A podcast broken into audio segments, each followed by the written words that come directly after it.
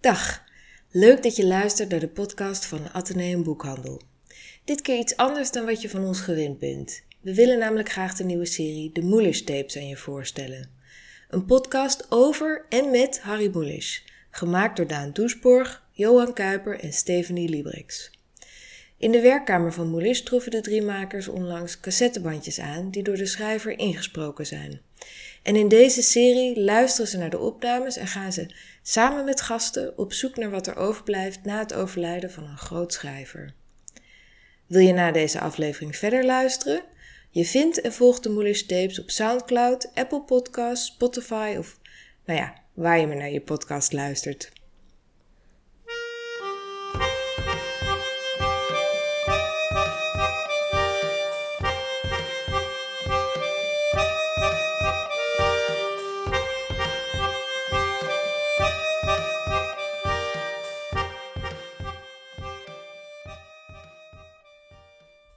Welkom bij De Moelish Tapes, een podcast waarin we op zoek gaan naar de sporen van een schrijver, al vroetend in literair erfgoed.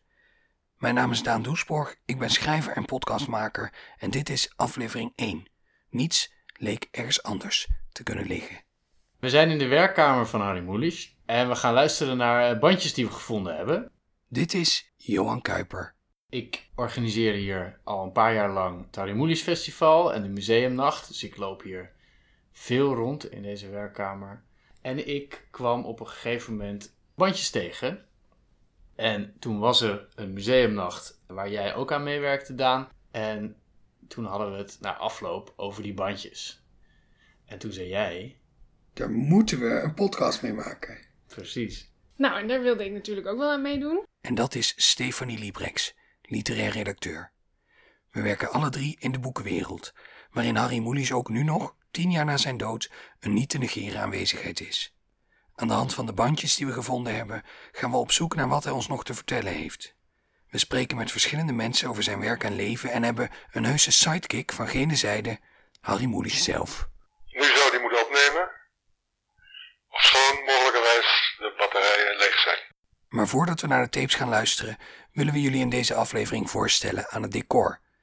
Deze hele podcast wordt gemaakt in de werkkamer. We interviewen onze gasten hier. Ik zit nu aan een van zijn bureaus deze voice-over in te spreken en het oude huis kraakt en stommelt af en toe door de opnames heen. Dus die middag, als we net zijn neergestreken om voor het eerst te gaan luisteren, kijken we om te beginnen eens goed om ons heen. Oké, wacht even. Nou, die microfoon staat aan. Zit het krukje lekker? Het is eh, een redelijk krukje.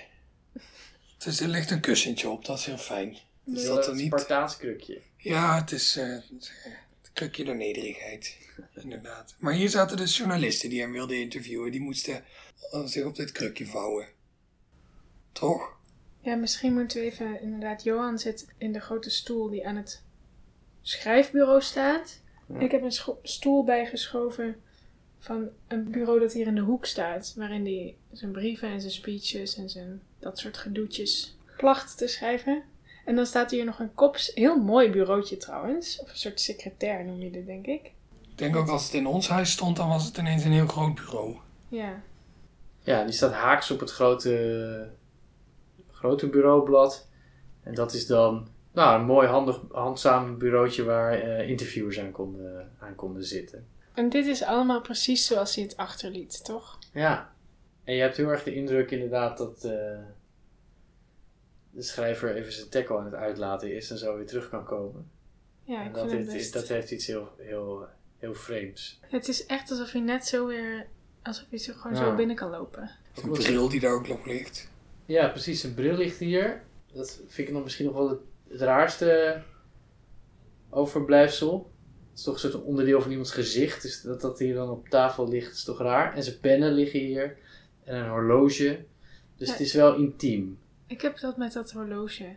Dat ik het heel creepy vind dat dat daar... eh, dat het... Ja, met die stilstaande wijzers. Dat is natuurlijk echt zo'n cheesy symbool. Maar Ja, als je daar heel erg bij stil gaat staan, is het wel een beetje raar dat we hier zitten. Er staan meer persoonlijke gebruiksvoorwerpen, zoals, we kunnen er niet omheen, de pijpencollectie. Allemaal gebruikt. Je ziet gewoon dat hij die pijpen tussen zijn kaarten heeft intensief gehad. gebruikt. Intensief gebruikt en lekker op zitten kauwen. En, eh, Wat ik trouwens echt niet snap. Waarom zoveel pijpen, waar, waar selecteerde die dan op? Wanneer kies je dan welke? Is dat op... Weet ik niet. Ja, ik geloof wel dat je pijpen moet je, die worden warm, dus die moet je ook weer laten rusten. Dus dat hout dat wordt warm en, en die moeten ook weer rustig af kunnen koelen. Dus je hebt er wel een paar nodig als je, Ja, maar dit zijn er 80 of zo. ja, ja. En ze lijken ook allemaal op elkaar. Dus het is niet zo van vandaag doe ik mijn blauwe pijp bij mijn blauwe pak of zo. Je weet wel dat eh Moody's een keer ergens heeft opgeschreven dat hij een obsessionele persoonlijkheid had. En dat zie je wel. Aan Dat- deze 80 eh, pijpen. Ja, maar dat zie je sowieso in deze hele werkkamer. In de werkkamer is niets er per ongeluk. Alles om het bureau heen bijvoorbeeld dient de schrijver. Achter zich zijn manuscripten en ordners, vulpen en schaar liggen keurig recht naast de bureaulegger. En ook de wand tegenover het bureau toont die neiging tot ordenen. Als je daar recht vooruit kijkt, dan zie je inderdaad allemaal gravures en prenten van de, met afbeeldingen van de piramide en de sphinx. En die zijn ook allemaal opgehangen in de vorm van een driehoek of piramide. En dan toch ook weer een foto van twee tackles in een van die lijsten ge- geprikt. Ja. En een polaroid van de maestro zelf met een tackle Maar op vind schoot. jij dat er een enorme tegenstelling tussen, is tussen de Egyptische cultuur en tackles? Nou ja, de tackle is natuurlijk inderdaad wel de logische voortzetting van de piramide. Ja, precies ja. Of van de sphinx. Die Egyptenaren die wisten al, uiteindelijk komt hier een heel laag hondje van. Ja, precies. Daar doen we het allemaal voor. Een heel lang gerekt hondje. Ja, Johan trok je net een laadje open en er liggen allemaal wiebertjes in. Oh, wat lekker. Ja. Oh, en tissues voor als de, voor als de journalist zich eh, overrompeld voelt door de schoonheid van de antwoorden die gegeven worden. Mooi. Wat zit hier dan in? Kleingeld. Mag dit allemaal wat we nu doen? Ja, volgens eh, dat mag. Wat is dit? Tangram? Ja, ik denk dat, ik, dat hij hier aan dit bureautje ook wel eens de kinderen aan het werk zet. Dus Ja, dat kan. Hier is een soort blokkenpuzzel met kabouters. Ik kan me toch ook niet voorstellen dat hij dan, als hij even geen inspiratie meer had, zei... Kom Harry, we gaan de kabouterpuzzel maken. Nou, je weet het niet. Dat hij dat tegen zichzelf zei. Ja. En je moet ook even in dat rechterlaadje kijken. Die heb ik eerder eens opengetrokken. Hou vast. En dat is echt het, het meest volle laadje. Oh ja, hager treffen. Wat is dit? Voelt het niet stout? Ja, wel een beetje. En ik zie hier een penning van een man met een baard. Is dat dan van de Vereniging van Ooit Haast Nobelprijslaureaten? En er zitten ook allemaal speltjes uit Cuba, toch? In dat, Ja, eh, dat klopt, ja. Harry Moelis Hollanda. Ja, die is echt erg mooi. Ja, Dat zou ik wel dragen. dit is van de vrijwillige brandweer. Weten niet veel mensen hè, over Harry Moelis. Dat hij bij de vrijwillige brandweer zat. Op het fietsje naar de Marnixstraat. Precies. Overal in de werkkamer staan boeken. Soms lijkt het moeilijk te achterhalen of er wel een systeem achter zit. Wat is eigenlijk de selectie boeken die hier op het bureau staat? Want er staan hier overal boeken. Volgens Mhm. mij een beetje onnavolgbaar gecategoriseerd. In ieder geval niet alfabetisch. Nee, dit is duidelijk, het is duidelijk, een, het is geen bibliotheek, maar een, eh, een werkkamer. Dus alles staat gewoon op een manier eh, waarop Moody's het zelf gewoon kon vinden. Dus in die boekenkasten staat het allemaal een beetje op thema. Als ik het zo zie wat hier op het bureau staat, dan lijkt het alsof dat allemaal boeken zijn die hij gebruikte voor de tijd zelf. Wat het laatste verhaal was waar hij aan werkte, wat hij nooit Ja. heeft afgemaakt. Maar daar lijkt het allemaal mee te maken, te, maken te hebben. En, eh, of gewoon dingen bij elkaar gepakt, of ik, ja, daar ben ik mee bezig, dus dat moet ik even hier hebben, want ik moet hier werken. De, Een beetje de wisseltap van de boekenkast. Eigenlijk, eigenlijk wel, ja. En dit is ook wel praktisch voor ons, dat hier in een kast alle werken van Moelis bij elkaar staan. Ja, Alle, alle drukken die een gewijzigde versie bevatten, zeg ik dat goed? Ja, het is inderdaad van het allereerste begin van Archibald Stroham tot aan de laatste eh, boeken staat het chronologisch staan al die uitgaven in de kast. Met alle vertalingen erbij. En met ook een heel aantal eh, herdrukken, maar niet elke. Want alleen als er inderdaad iets eh, nou, substantieel gewijzigd was, dan, dan, dan kwam, er een, eh, kwam de heruitgave er ook bij staan. Maar het zijn eigenlijk twee kasten tegen elkaar aan. Een flinke, flink bakbeest nu. En eh, Een Dante erbovenop, als ik me niet vergis. ja, dat ziet eruit als Dante, ja. En daar kon hij dan toch maar mooi tevreden naar kijken vanaf zijn... eh, Ja, want vanaf dat bureau kun je, eh, aan je rechter ooghoek zie je dat dan mooi staan. Ja, het is wel... eh, Zou hij dan wel echt tevredenheid kunnen hebben gevoeld? Of zou hij zo'n type zijn geweest van, het is nooit genoeg? Dat vraag ik me wel af. Marita Matthijs heeft me eens verteld dat ze niet heel ver voordat Moelis overleed hier was. En dat hij toch ook op die kast wees en zei, nou ik ben toch geen bloem in de knop gebroken. En eh, nou, dus ik denk wel met een beetje trots. Om meer over de werkkamer te weten te komen, hebben we een aantal mensen uitgenodigd om erover te komen vertellen. Pas wel op, Harry Mulisch heeft een vrij intense deurbel. hey, dat is Onno. Onno, dat is niet Onno Quist uit de ontdekking van de hemel die binnenkomt wandelen, maar Onno Blom. Mijn naam is Onno Blom. Ik ben schrijver, biograaf, eh, literair criticus. Onno vertelt ons over de eerste keer dat hij de werkkamer bezocht, in 1997, toen hij Mulisch kwam interviewen. En ter gelegenheid van zijn 70ste verjaardag werd de jonge redacteur van het voormalige christelijk ochtendblad Trouw eh, naar de Leidse Kade gestuurd voor een interview met de grote meester. En dat was eh, het eerste echte gesprek wat ik met hem eh, heb gehad. En toen kwam ik dus terecht op de plek waar wij nu zitten. Ik werd hier met alle EK's ontvangen door de, door de schrijver. Buitengewoon vriendelijk, minzaam, niet te veel woorden gebruiken. Mulisch had het druk, dus Onno kreeg een uur de tijd. En omdat hij het gesprek op wilde nemen, moesten ze verkassen. Dan gaan we niet hier, want wij zitten hier nu aan de voorkant van de werkkamer. Op van die heerlijke zachte eh, in, inzak fauteuils en banken. Maar dan gaan we naar het heilige der heiligen, het Sancta Sanctorum. En dat is natuurlijk de werktafel van de auteur. Die bevindt zich aan de achterkant van de ruimte. En hij ging zitten. Het is een hele grote leren fauteuil, dus die, daar gaat zijn zakje ook zo in weg. En dan zit je vrij hoog. En toen wees hij met het steel van zijn pijp op een stoeltje. Aan de zijkant van dat bureau staat een lager tafeltje eh, op de stoel van de interviewer. En daar kon ik plaatsnemen. En dat deed ik dan ook. Allemaal prima. Het is heel handig. Hè? We nemen het hier ook met microfoons op. Dat is heel praktisch. Ja. Dus ik legde mijn apparaatje op dat tafeltje neer.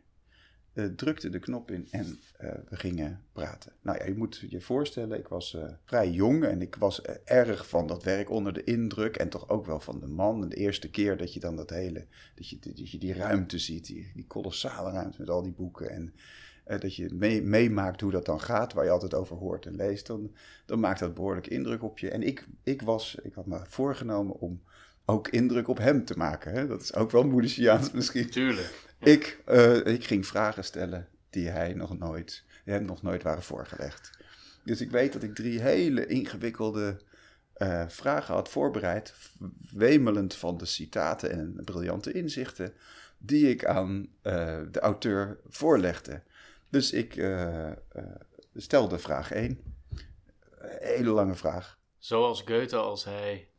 Het wa- ik weet niet meer, ik heb ze niet meer, die vragen, maar ze waren, het waren, ja, het waren hele, hele geleerde vragen, dat kan je van mij aannemen. En na die hele lange vraag zei moeders, ja.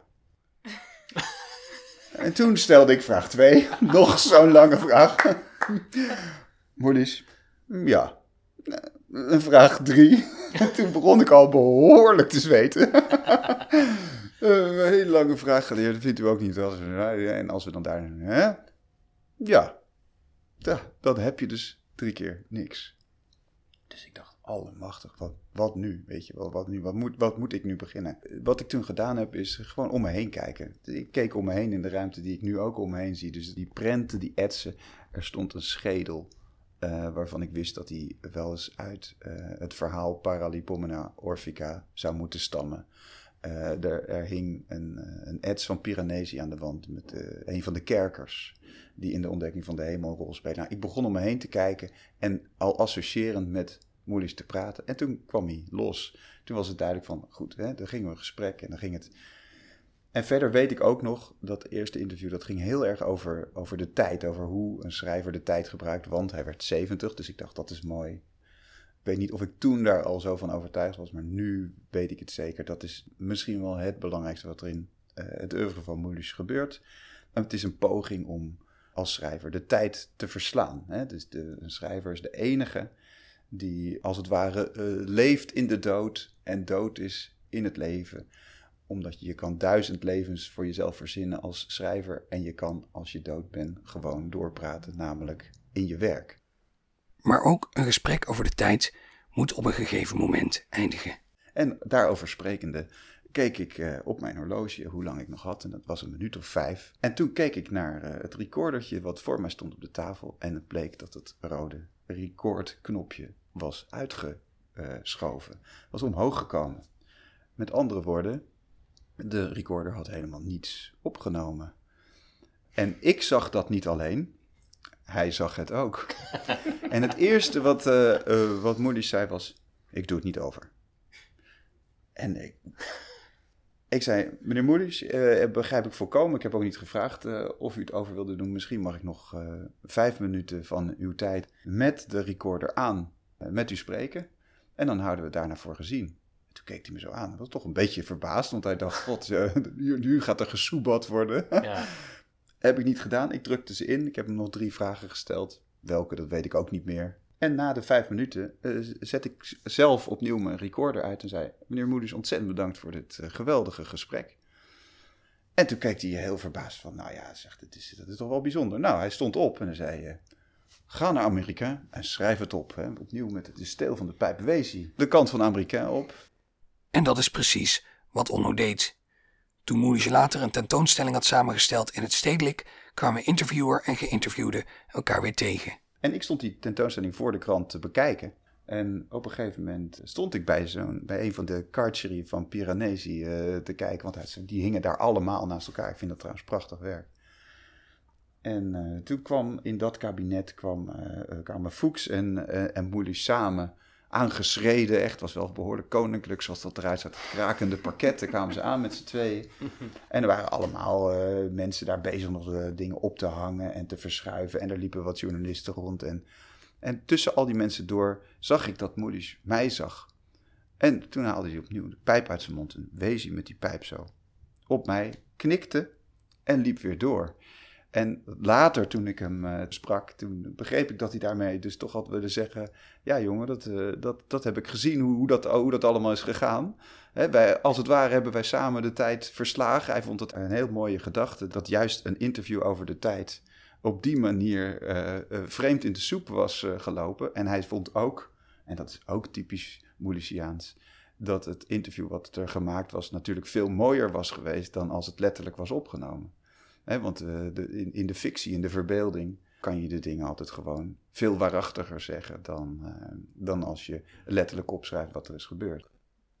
Van Onno Blom kwam onlangs De Wondergrijsaard uit, waarin hij vertelt over zijn ervaringen met Moelis, waaronder ook deze anekdote.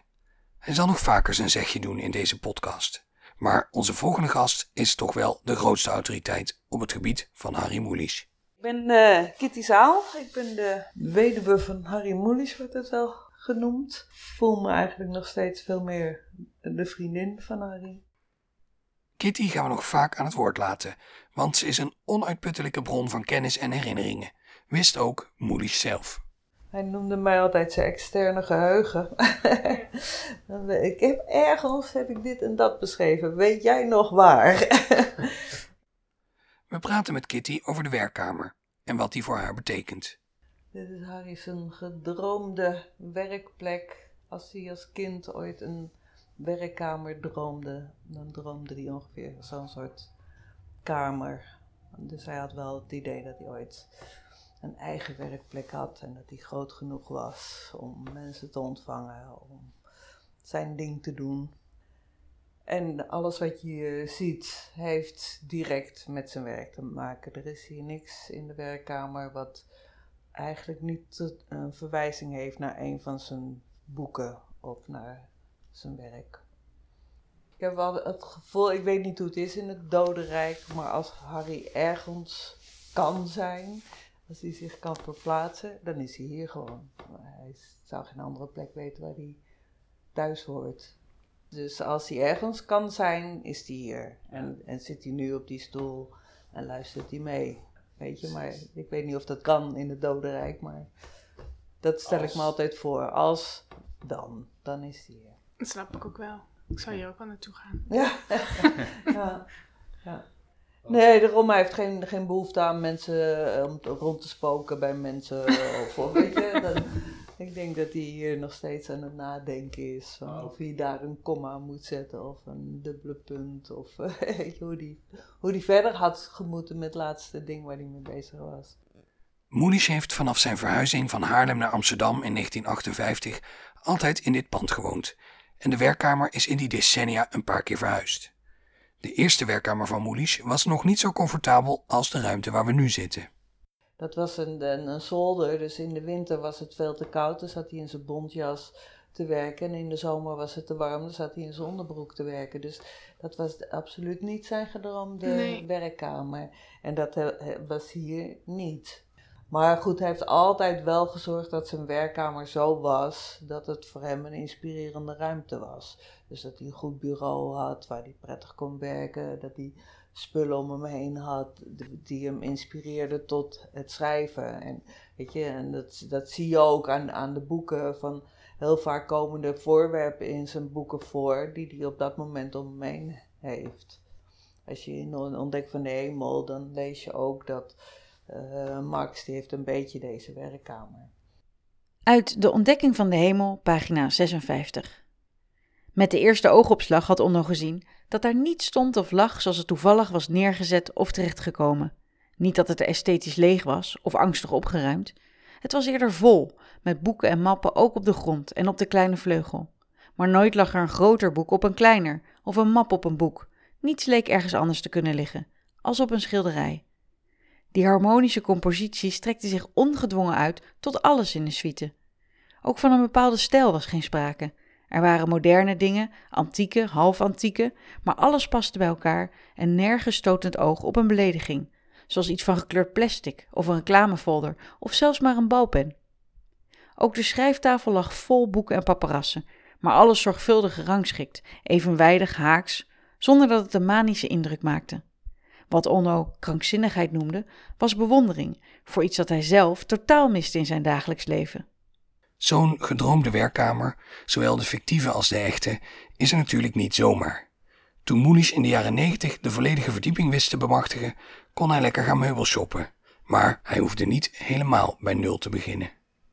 Dit bankje had hij al, die bank had hij al, deze tafel had hij al. Dat stond eerst, zeg maar, de andere kant, omdat het natuurlijk kleiner was. Maar dan ging hij naar de veiling. En hier zo had je verderop de veiling de Zwaan. En dan, eh, daar heeft hij dat bureau gekocht. En dan moest daar weer een goede stoel bij. Dus dan ging hij op zoek naar een goede stoel. En weet je, zo eh, ging hij dat allemaal langzamerhand bij elkaar sprokkelen. Maar hij wist precies dat die gordijnen geel moesten zijn. Dat de vloerbedekking rood moest zijn. Dat, dat eh, het kleedje groen moest zijn. En dat mocht echt geen andere kleur groen. Het moest die kleur groen zijn. We gaan nog even door op de zeer specifieke eisen die Moelisch aan zijn werkkamer stelde. Ook het soort licht vond hij heel belangrijk. Want nu zitten nog allemaal van die ouderwetse lampen erin. Dat zodra je hier het licht aan doet, gaat de meter lopen. het is allemaal nog niet energiezuinig. Maar het moest die kleur zijn. Hij had een hekel aan, aan wit licht, dat wit-blauwe licht of dat wittige groene licht, TL-balken. Daar werd hij helemaal gek van. Dus, en de lampenkappen moesten allemaal gebroken zijn, gebroken wit, een beetje cremig, zodat je dat hele zachte, warme licht kreeg. En inderdaad, dit, dit moet een spotje zijn. En dit ging je ook helemaal uitlichten, want ik denk dat ze nu vermoedelijk niet goed hangen. En zeker het spotje boven het bureau hangt zeker niet goed. Weet je, want dan moest het precies de boekenkast verlichten. En, en dat moet precies dat verlichten. En daar was hij eindeloos mee bezig. En was dat een kwestie van esthetiek of ook hielp hem dat echt in schrijven? Of was het met zijn migraine? Nou, het, het stoorde hem zo enorm als het niet goed was. Dat, dan werd hij eh, dusdanig gestoord, dan kon hij gewoon niet werken. Maar dat had hij ook als hij bij mensen op bezoek kwam. En, en er hing een schilderij scheef, dan moest hij opstaan om dat recht te tikken. Dat kon hij gewoon niet tegen. Dan zat hij de hele tijd naar dat schilderij te kijken van, dat hangt scheef. dat is Ja, dat niet goed. Nee, zoals die piramide, die, die schilderijtjes die, van die piramides in de vorm van een piramide. Daar is hij ook een hele middag mee bezig geweest. Tikken, een millimeter hoger, een millimeter lager. Precies recht en, en dan keurig in een piramidevorm. Maar het betaalt zich wel uit. Het Ja. is, je merkt echt als mensen hier binnenkomen, dan is het meteen eh, wow. Ja, dat is een warme deken, valt, valt die kamer om je heen. Ja. Nou, eh, Kitty zei dat Harry een hele middag bezig is geweest om deze schilderijtjes op te hangen in de vorm van een piramide. Dus eh, laten we even kijken hoeveel gaatjes er in de muur zitten. Zal ik deze Ja, eraf halen? pak die er even af. Hier zitten al een zit- paar Een heleboel gaatjes. streepjes inderdaad. Ja, ja, ja, ja. ja. Kijk, kijk, kijk, kijk, kijk, hier. hier. Iets hoger? Ja, doe even zo'n kleintje. Maar zo klein als dit, dit is toch gewoon waar het misgaat. Ja, nou, wat is dit? Ja, hier ook hoor. Ja. Kijk nou. Ja, Hier zitten er een stuk of vier van die. Oh ja, ja, dit is wel een paar keer verhangen inderdaad. Millimetertje naar links.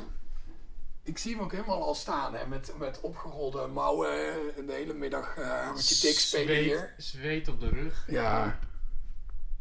Deze nog even kijken. Ja, het topstuk staat nog tegen de. Maar hier zitten toch zeker 1, 2, 3, 4. Ja, dan moet je hier kijken. Alsof hier termieten zitten.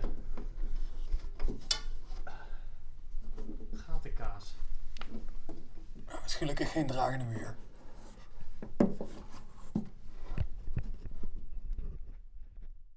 Goed, die werkkamer is nu wel aardig in beeld. Zometeen gaan we terug naar de tapes, maar eerst even naar de boodschappen. Ben je op zoek naar leestips of een cadeau? De boekverkopers van Atheneum Boekhandel staan voor je klaar met advies op maat, in de winkels en online. Tienduizenden titels staan op je te wachten op het Spui en het Goederseiland, bij Van Rossum met het Martyrium, in het Rijksmuseum en in Haarlem. Woon je niet in Amsterdam of Haarlem? Atheneum bezorgt door heel Nederland en luisteraars van deze podcast kunnen bovendien gebruik maken van een speciale kortingsactie op atheneum.nl. Gebruik de kortingscode HARRY bij je bestelling van niet-Nederlandse boeken en ontvang 10% korting. Dat is kortingscode HARRY en let op, Atheneum schrijf je met A-E-U-M aan het eind. En dan nu naar de tapes. Het zijn drie cassettebandjes en een stuk of vijf eh, van die microcassettes. Die heb ik allemaal gedigitaliseerd. Dat was nog een heel gedoe. Ik ben echt eh, tien keer eh, nieuwe kabeltjes gaan halen, want dan paste het weer niet. En eh, een mini-disc speler op internet besteld. Eh, het had heel wat voet in de aarde, maar het is gelukt. En ik heb nu alles gedigitaliseerd. En weet je al een beetje wat erop staat? Ik heb ongeveer een idee, deze drie bandjes. Nou ja, je ziet het ook, want er staan, er staan data op. En dan precies op welke plek in het bandje een bepaalde datum begint. Nou, dat is een dagboek. wat hij bijgehouden heeft in 1982. En deze bandjes, daar staat eigenlijk ook helemaal niks op wat, er, wat het is. En, en van wat ik begrepen heb, is het ook van alles door elkaar Maar wat Dingen. bedoel je dan met van alles? dictafoon dingetjes dat hij dan even ingesproken heeft. Eh, op vakantie heeft hij iets meegenomen en van alles opgenomen. Eh, er staan interviews op met mensen. Het is een enorm ratje toe. Maar dat is ook leuk. En hoeveel uren aan materiaal is het? Ongeveer? Vijf plus drie keer 90 minuten. Veel. Veel. Bijna tien uur. ja, zoiets. Johan, jij ehm, hebt contact met de nalatenschapscommissie, want die bandjes nemen een beetje een gekke plek in, in dat nalatenschap. Dus we weten nog helemaal niet... Ja, we gaan er nu naar luisteren, maar we weten nog niet wat we aantreffen. Klopt. Moelisch heeft voor zijn dood een, eh, een commissie ingesteld. Eh, die zijn literaire nalatenschap beheert. Daar zitten in eh, Marita Matthijssen, Robert Ammerlaan en Arnold Heumakers. Zij kunnen we aangeven wat we wel en niet mogen gebruiken van dit, van dit materiaal. Ehm, al gaat het hier natuurlijk niet helemaal over een literaire nalatenschap, want het zijn ingesproken bandjes, dus het is een beetje een grijs gebied. Ik hoop dat we zoveel mogelijk eh, kunnen gebruiken, maar we gaan het zien. Van wie zijn ze eigenlijk? De bandjes zijn, eh, net als heel veel in deze werkkamer, bijna alles van het Literatuurmuseum. Die hebben dit allemaal in hun bezit. Maar bijna alles, want dat vind ik dan dat vind ik, eh, interessante Is deze tafel van het Literatuurmuseum? Ja. En die lamp? Ja. En deze bandjes? Ook. En die stoel? Ook. Maar wat bijvoorbeeld niet? God, geen flauw idee eigenlijk. Alles is van het Literatuurmuseum. Zij Eigenlijk is alles hebben, van het wa- wanneer kort na zijn dood hebben ze het allemaal opgekocht. Ja, het is deels geschonken door de familie en deels eh, gekocht door het Literatuurmuseum. Misschien moeten we de directeur van het Literatuurmuseum gewoon even bellen. Weet jij hoe die heet? Ja, dat is Aad Meinderts, dus die kunnen we bellen.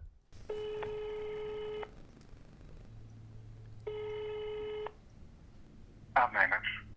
Aan Aad stellen we de vraag: wat is voor hem en voor het Literatuurmuseum de waarde van deze omvangrijke collectie? De waarde van de collectie is natuurlijk ontzettend groot. Je praat over een van onze belangrijkste schrijvers. En wij leven als eh, literatuurmuseum van eh, papier. Kern in onze collectie zijn altijd de handschriften. Nou, die zijn ontzettend fascinerend bij Harry Mulisch. Eh, niet alleen het, het gepubliceerde werk, want het is toch, als je die handschriften ziet, alsof je over de schouder van de schrijver meekijkt.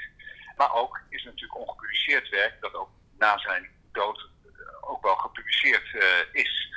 Eh, dus dat is interessant, dat manuscript. Het is ook zo dat die- dat literaire archief natuurlijk in samenhang met allerlei andere archieven bestudeerd kunnen worden. Wij, wij worden, worden wel eens het Rijksmuseum voor Literatuur genoemd. Omdat die collectie natuurlijk immens is, kan je allerlei dwarsverbanden eh, leggen in de, Ja. in, in de collectie. En dat is natuurlijk ja, heel erg interessant. Maar ik moet er direct aan toevoegen dat juist bij eh, Harry Mulisch is het natuurlijk zo dat hij zich omringde en zijn werkkamer is daar een voorbeeld van met eh, kunstwerken die hem ook inspireerden. En de- dus ook die kunst waarmee hij zich omringde is natuurlijk belang om, eh, om, om zijn werk te begrijpen, om daar eh, eh, ja, echt in vervoering van te raken als je, als je dat ziet. Eh, Dus ik vind ook, eh, dat is niet bij elke auteur zo hoor, eh, dat dat bij Harry Mulisch nog een extra dimensie geeft. Zijn Egypte-collectie is natuurlijk in dat opzicht ook verdomde interessant. Hij heeft natuurlijk zijn eigen museum ook opgetrokken, zou je kunnen zeggen. Met alles wat daar, wat daar staat. Dat is toch wel een uniek eh, gegeven. Het probleem bij literatuur is dat het eigenlijk nooit iets concreets is. Het gaat om het verhaal, het gaat om het gedachtegoed. Anders dan een schilderij. Hè? Om, om, om een schilderij te zien kan je niet volstaan met een afbeelding ervan op een koekblik. Maar je moet daadwerkelijk het eigen werk zien. Ja, wat is dat bij literatuur? Het echte werk? Is dat dat handschrift? Dat gedrukte boek zoals dat bij ons, bij ieder van ons in de kast staat? Dat is elke keer zoeken. Daar waar het betekenisvolle voorwerp is te vinden. Een museum voor literatuur gaat behalve om boeken en manuscripten dus ook om de objecten daaromheen. Maar waar ligt de grens? Wanneer denk je, prima dat het van een grote schrijver is geweest, maar het hoeft niet in het literatuurmuseum te liggen. Je hebt natuurlijk de neiging om werkelijk alles van auteurs te verzamelen. Ja. Zeker grote liefhebbers van een bepaalde auteur vinden dat belangrijk en pleiten ervoor om werkelijk elke snipper, elk, elk voorwerpje, al is het een, huishoudelijk voorwerp, te Ja. bewaren. Maar je kan moeilijk eh, autoparken van auteurs eh, gaan beheren. Het moet zich toch altijd in de praktijk eh, uitwijzen wat nog interessant is. Kijk, het criterium is dat het object, een handschrift of wat dan ook, echt altijd in relatie staat eh, tot het werk. Het, het beroemde voorbeeld is natuurlijk uit onze collectie de stofzuiger van Vestdijk, om toch een huishoudelijk voorwerp Ja. eh, eh, te noemen. Maar je zou bij Harry Moody's het, het pijpenrekje kunnen noemen. Kan je Ja. nu zeggen dat dat eh, iets zegt over het werk? Nee. Maar het, is, het brengt toch wel een historische sensatie teweeg voor harten die daar gevoelig voor zijn. Ik denk dat de schrijver het ene rookoffer naar het andere bracht om, om, tot, om tot zijn meesterwerk te komen. Maar goed, dat is enigszins arbitrair en het, het, het is niet het allerbelangrijkste, maar het is toch wel iets waar je enthousiast over kan raken als je daar een gevoelige ziel voor hebt. En die zijn er gelukkig. Objecten kunnen dus wel degelijk een verhaal vertellen dat van waarde is als literair erfgoed. Onze objecten, de tapes, bevatten bovendien ook nog de stem van de schrijver. Dat kan dus extra interessant zijn, maar dat ligt wel aan wat erop staat. Wel spannend hoor, om die tapes te gaan luisteren. Nou, jij hebt al een beetje, jij weet al een beetje wat erop staat, toch? Ik heb echt geen idee. Ja, een beetje. Maar daar is ook wel echt alles eh, mee gezegd. Ik heb natuurlijk niet ademloos zitten luisteren. Dat wilde ik bewaren voor als ik hier met jullie zit. Wat, wat denk jij dat er op staat? Wat hoop je dat erop staat? Nou, we weten dat die bandjes van het jaar 1982 zijn. Ja, dat dagboek. Ja. En die, die minidiscs, dat kan ook van... Nee, dat kan eh, van alles zijn, dus dat weet, dat weet ik niet. Nee, die bandjes uit 1982, dat zou eh, leuk zijn als dat iets met de aanslag eh, te maken heeft. En, eh, en die andere bandjes, ja, ik ben heel benieuwd wat erop staat. Ik kan me nog geen voorstelling bij ervan maken, maar ik hoop bijzondere dingen, dat we echt de schrijver aan het werk horen. Dat zou het leuk zijn. Ja. En een paar leuke inkijkjes in zijn privéleven zijn natuurlijk ook, eh, zou dat ook spannend maken. Ja, ik zou een paar deleted scenes of zo, dat zou ik wel echt leuk vinden. Ja, vind je dat niet juist? Ben je niet, ik bedoel, ben je niet ook bang dat als je de hele mondaine wereld van, van Harry Mulisch en zijn dictafoon binnengaat, dat er dan ook juist iets van dat, dat beeld wat je van hem hebt, als de onaanraakbare schrijver, dat dat, dat, dat aangetast wordt? Ik heb er juist wel zin in dat het aangetast wordt, merk ik. Precies hierover heeft Karen Amat Mokrem een heel mooi stuk geschreven op Literatuurmuseum website. Dat zij inderdaad ook bang was van hij is zo geordend hier en hij, is zo, hij leeft zo erg in zijn werk. Van wat nou als je, als je in die persoon gaat, nou niet zozeer in die persoon gaat voeten, maar als je in zijn documenten zit en als je in zijn manuscripten leest, dat, dat dan die, die, eh, die magie verloren gaat of zo. Ik vind dat juist wel leuk. Ja, ik denk dat het twee kanten heeft. Het is aan de ene kant eh, heel eh, een beetje spannend om achter, achter de façade te kijken. Of, eh, en tegelijkertijd hou je ook van het beeld van de schrijver, wat juist zo heel zorgvuldig gecureerd is. En als dat helemaal Ja. afbrokkelt, dat zou natuurlijk ook ergens jammer kunnen zijn. Ja, ik zou daar dus juist de achterkant van wel van willen zien. Als ik hier binnenkom, denk ik dat ook altijd. Van ik heb zin om, om dingen om te draaien of zo. Om, om iets te, Hmm. te vinden. Ja, precies. Waar ik dan weer wel bang voor, of bang, dat is een groot woord, maar om gewoon eh, achterhaalde denkbeelden te horen. Of gewoon dat hij heel allemaal succesische dingen zegt. Daar ben ik een beetje bang voor. Ja, dat zit er natuurlijk dik in. Ja. Ja, nee, die man komt uit 1927. Hij staat Ja, en ook wat doe je daar dan zijn, mee? eh, Want ik vind ook, het is maar een tapeje van inderdaad van een man uit 1927. Ik vind wel dat we daarom mogen lachen. Tuurlijk. Ja, tenzij die dus gewoon, misschien zegt hij wel echt helemaal niks boeiends. Ik Ja, moet dat dus, zou het meest, dat zou teleurstellend zijn. Als het alleen maar vrij droge technische omschrijvingen zouden zijn. Alleen maar een, een vrij kaal dagboek zou bevatten. Dat zou, dat zou echt jammer zijn. ik moet dus de hele tijd denken aan dat mijn moeder, die heeft mijn vader ooit een dictafoontje cadeau gedaan. Omdat hij reisde elke dag twee uur naar zijn werk en twee uur terug. Ik snap nog steeds niet hoe hij dat volhield. En hij zei dat hij dan altijd, op zich vond hij dat autorijden wel fijn, maar hij kreeg ook allemaal ideeën en in de auto kun je dat niet opschrijven. Dus toen dacht ze, nou dan geef ik die man een dictafoontje cadeau. En toen ging ze op een gegeven moment was ze in zijn auto. Volgens mij was zijn auto aan het stofzuigen of zo. Want zo was de rolverdeling dan ook wel weer. En toen dacht ze ook, ga eens even kijken wat voor interessante gedachten hier dan allemaal op staan. En toen speelden ze dat dictafoontje af. En toen hoorde je mijn vader zo met zo'n, echt zo'n stem waarmee je iets inspreekt in een dictafoon. Zei hij, een ijskrabber. en dat was alles. Stel je gewoon voor dat dat is wat erop Ja. staat. Gewoon eh komkommers kopen. Nou, dat is dat toch ook wat er eng aan is. Is dat je, je veronderstelt een enorme diepte eh, en diepzinnigheid. En als die heel erg tegenvalt, is dat, eh, is dat wel jammer. Dus wat je, jouw moeder bij je vader had, dat ze dacht, nou misschien heeft hij toch wel hele poëtische gedachten als ik er niet bij ben. Ja. Eh, en wat nou, Karin viel tegen. bij Moelisch had. Ja. Maar zij zei dat het daar niet tegenviel. Dus misschien gaat het ons ook niet tegenvallen. Kijk, je kan ook op zoek zijn naar juist dat lullige. Want ik weet dat Propria Curis een paar jaar geleden hebben zij. En als ik zeg een paar jaar geleden, dan bedoel ik een paar decennia geleden. Hebben ze een, een paar vuilniszakken van Harry Mulisch gejat. Gewoon toen zijn ze op de ophaaldag hier naar, naar de Leidse Kade gelopen. Toen hebben ze die vuilniszakken meegenomen. Ook met het idee van, nou, eh, meneer Mulisch, het opgepoetste mannetje. We gaan wel eens even kijken wat er in je vuilnis zit. Ja, ook die achterkant willen zien. Ja, dus die waren juist helemaal niet bang voor dat dat afgebroken werd. Die waren er juist naar. Nee, dat was Op natuurlijk de bedoeling. Ja. Toch? Een beetje de deur te... naar Nou ja, je zou ook kunnen zeggen dat ze juist dachten, zelfs het vuilnis van Harry Mulisch is interessant. Maar... Dus zelfs dictafoonbandjes met, met boodschappenlijstjes. Of ja, nou ja, het is Propriacurus, dus het is natuurlijk een spel. Maar wie zaten er toen in de redactie? Mark Burema van eh, Geen Stijl. En eh Bo van Everdorens ook. Misschien kunnen we hem wel eens bellen. Ik vind het wel een grappige actie. Ja, laten we ze bellen. Is goed.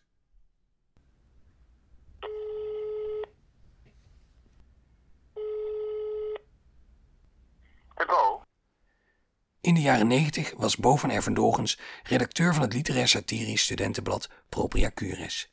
Kijk, de verhouding van Propicurus met uh, Munich is echt nooit echt goed geweest. Eh, een van de grote vijanden van PC is Harry. En dat heeft denk ik ook vooral mee te maken dat Munich nooit voor PC heeft willen schrijven. In tegenstelling tot veel van zijn eh, tijdgenoten die dat wel hebben gedaan.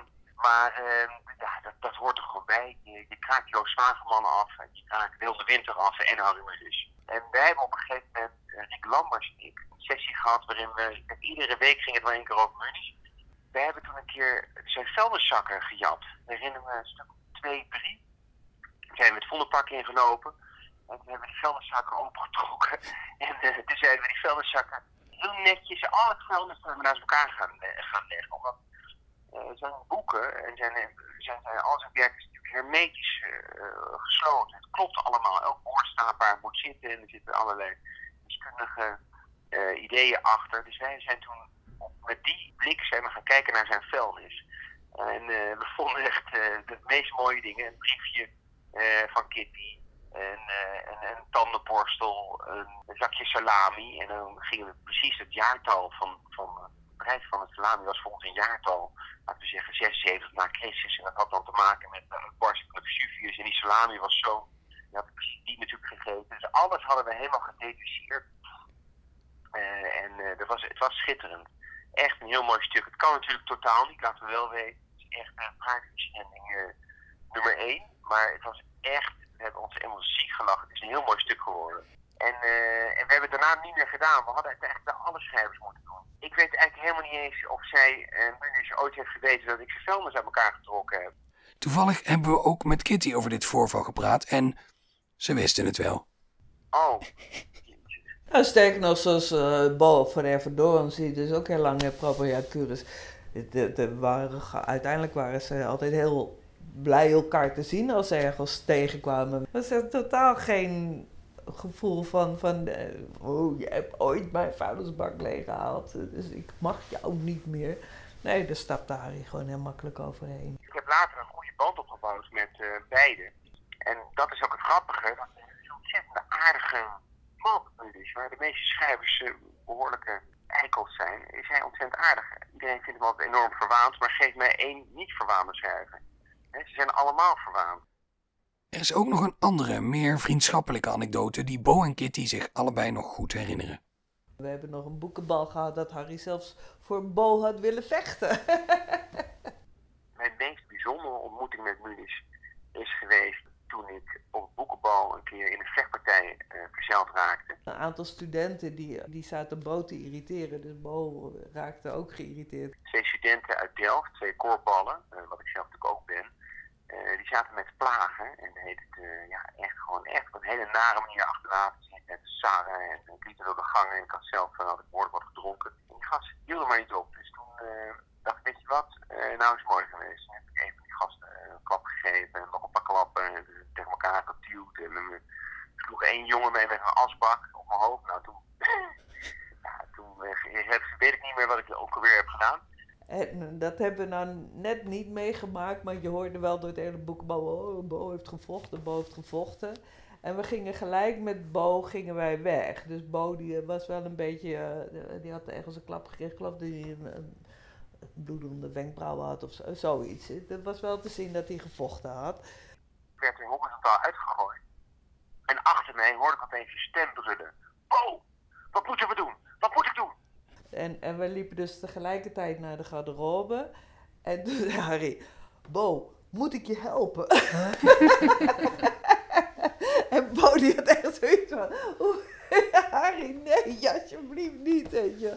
Die vond het zo weet je, die, was zo, die smolt ook op zo'n moment voor hem. Zo van, Harry wil voor me vechten. Hoe is mogelijk? ik draai me om en ik zie daar gewoon Harry Mulisch. Eh, een van de allerbelangrijkste schrijvers van Nederland. Die mij wil gaan verdedigen tegen twee Delftse. Waarschijnlijk had je me in één keer weggeblazen, weet je wel. Ik had eh, Harry nog nooit zien vechten, dus ik denk niet dat het echt iets had uitgemaakt. En eh, dat had, die maakte die avond helemaal compleet. En ik had bloed over mijn wang lopen. En Harry Mulisch stond bij de garderobe en die wilde mij gaan verdedigen. Die wilde gewoon op de vuist. Hij was toen echt al zeker, laten we zeggen, 273 of zo. Ja, dat is gewoon schitterend. Dat is iets, dat zal ik altijd uh, bij me kosten.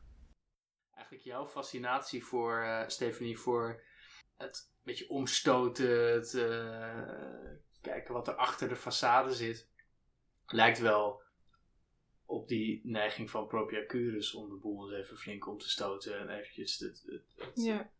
het heeft te maken met dat je toch onder de indruk bent van het beeld van zo'n schrijver en daar een beetje door geïntimideerd bent en dan denk ik nou dat gaan we eens even gelijk nou, trekken. het heeft meer te maken met dat ik het gevoel heb dat er een beroep op mij wordt gedaan dat ik het intimiderend moet vinden. En het he- staat nog los van of ik dat ook vind, want waarschijnlijk, waarschijnlijk wel. Ik bedoel, niemand is er ongevoelig voor. Als je hier binnenloopt, dan denk, dan denk je echt wel, wauw, dit is... Het heeft gewoon iets heel filmies en indrukwekkends. Maar ik vind het ook irritant dat ik daar dan in stink.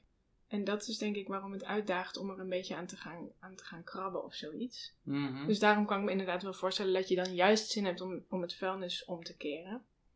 En daarom heb ik ook wel juist zin om deze bandjes te luisteren, omdat ik echt wel benieuwd ben of daar iets, ehm, ja, iets, iets minder ge, gestileerd op staat. Nou, het lijkt me wel onvermijdelijk dat dat gaat gebeuren. Want Moody is lijkt me bij uitstek iemand die heel erg cureerde hoe hij naar de buitenwacht toe overkwam en hoe hij zich presenteerde en zo. En deze bandjes zijn nadrukkelijk niet daarvoor bedoeld. Ik kan me voorstellen dat, hij zelfs een, een brief aan iemand of een dagboeknotitie of zo, als hij, als hij dat deed, wel schrijft met in zijn achterhoofd. Ooit gaat hier iemand op promoveren. Ja. Maar zo Ja. die dictafoonbandjes, ja, dat is dan toch misschien nog wel de laatste plek waarop hij misschien zijn, zijn niet op zijn kivive is. Ja. Over zijn imago. Sterker nog, hij heeft ooit over deze bandjes gezegd dat die niet publicabel waren, toch? En daarom hebben wij daar nu, eh, zijn we nog even in gevecht in hoeverre we ze kunnen gebruiken.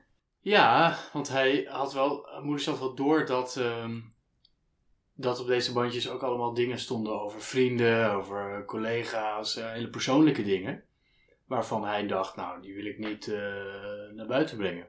Ja. En eh, inmiddels is er best wel wat tijd overheen. Maar toch eh, speelt die kwestie nog wel. En wie gaat daarover? Is dat Aad?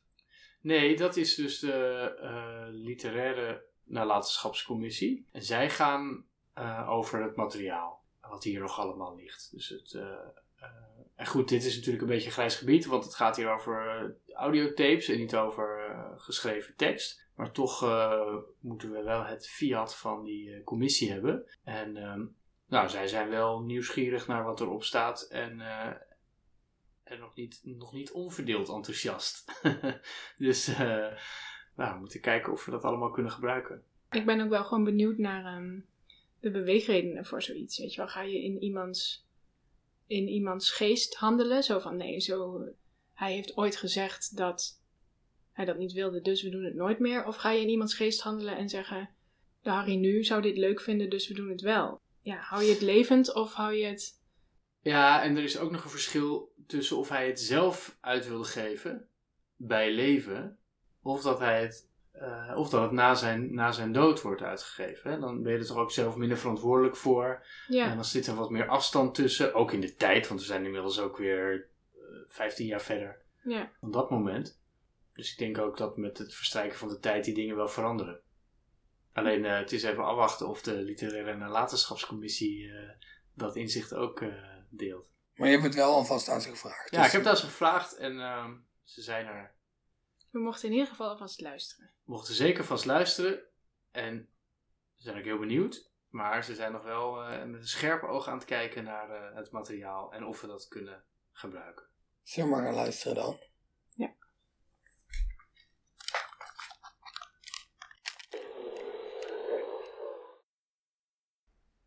Volgende week in de Moelies Tapes. Voor een aantal tapes hebben we al toestemming, dus na deze introductie op het materiaal en zijn werkkamer is het tijd om er echt in te duiken en de grote één zelf ook wat meer aan het woord te laten. En we beginnen met Harry Moelies op vakantie.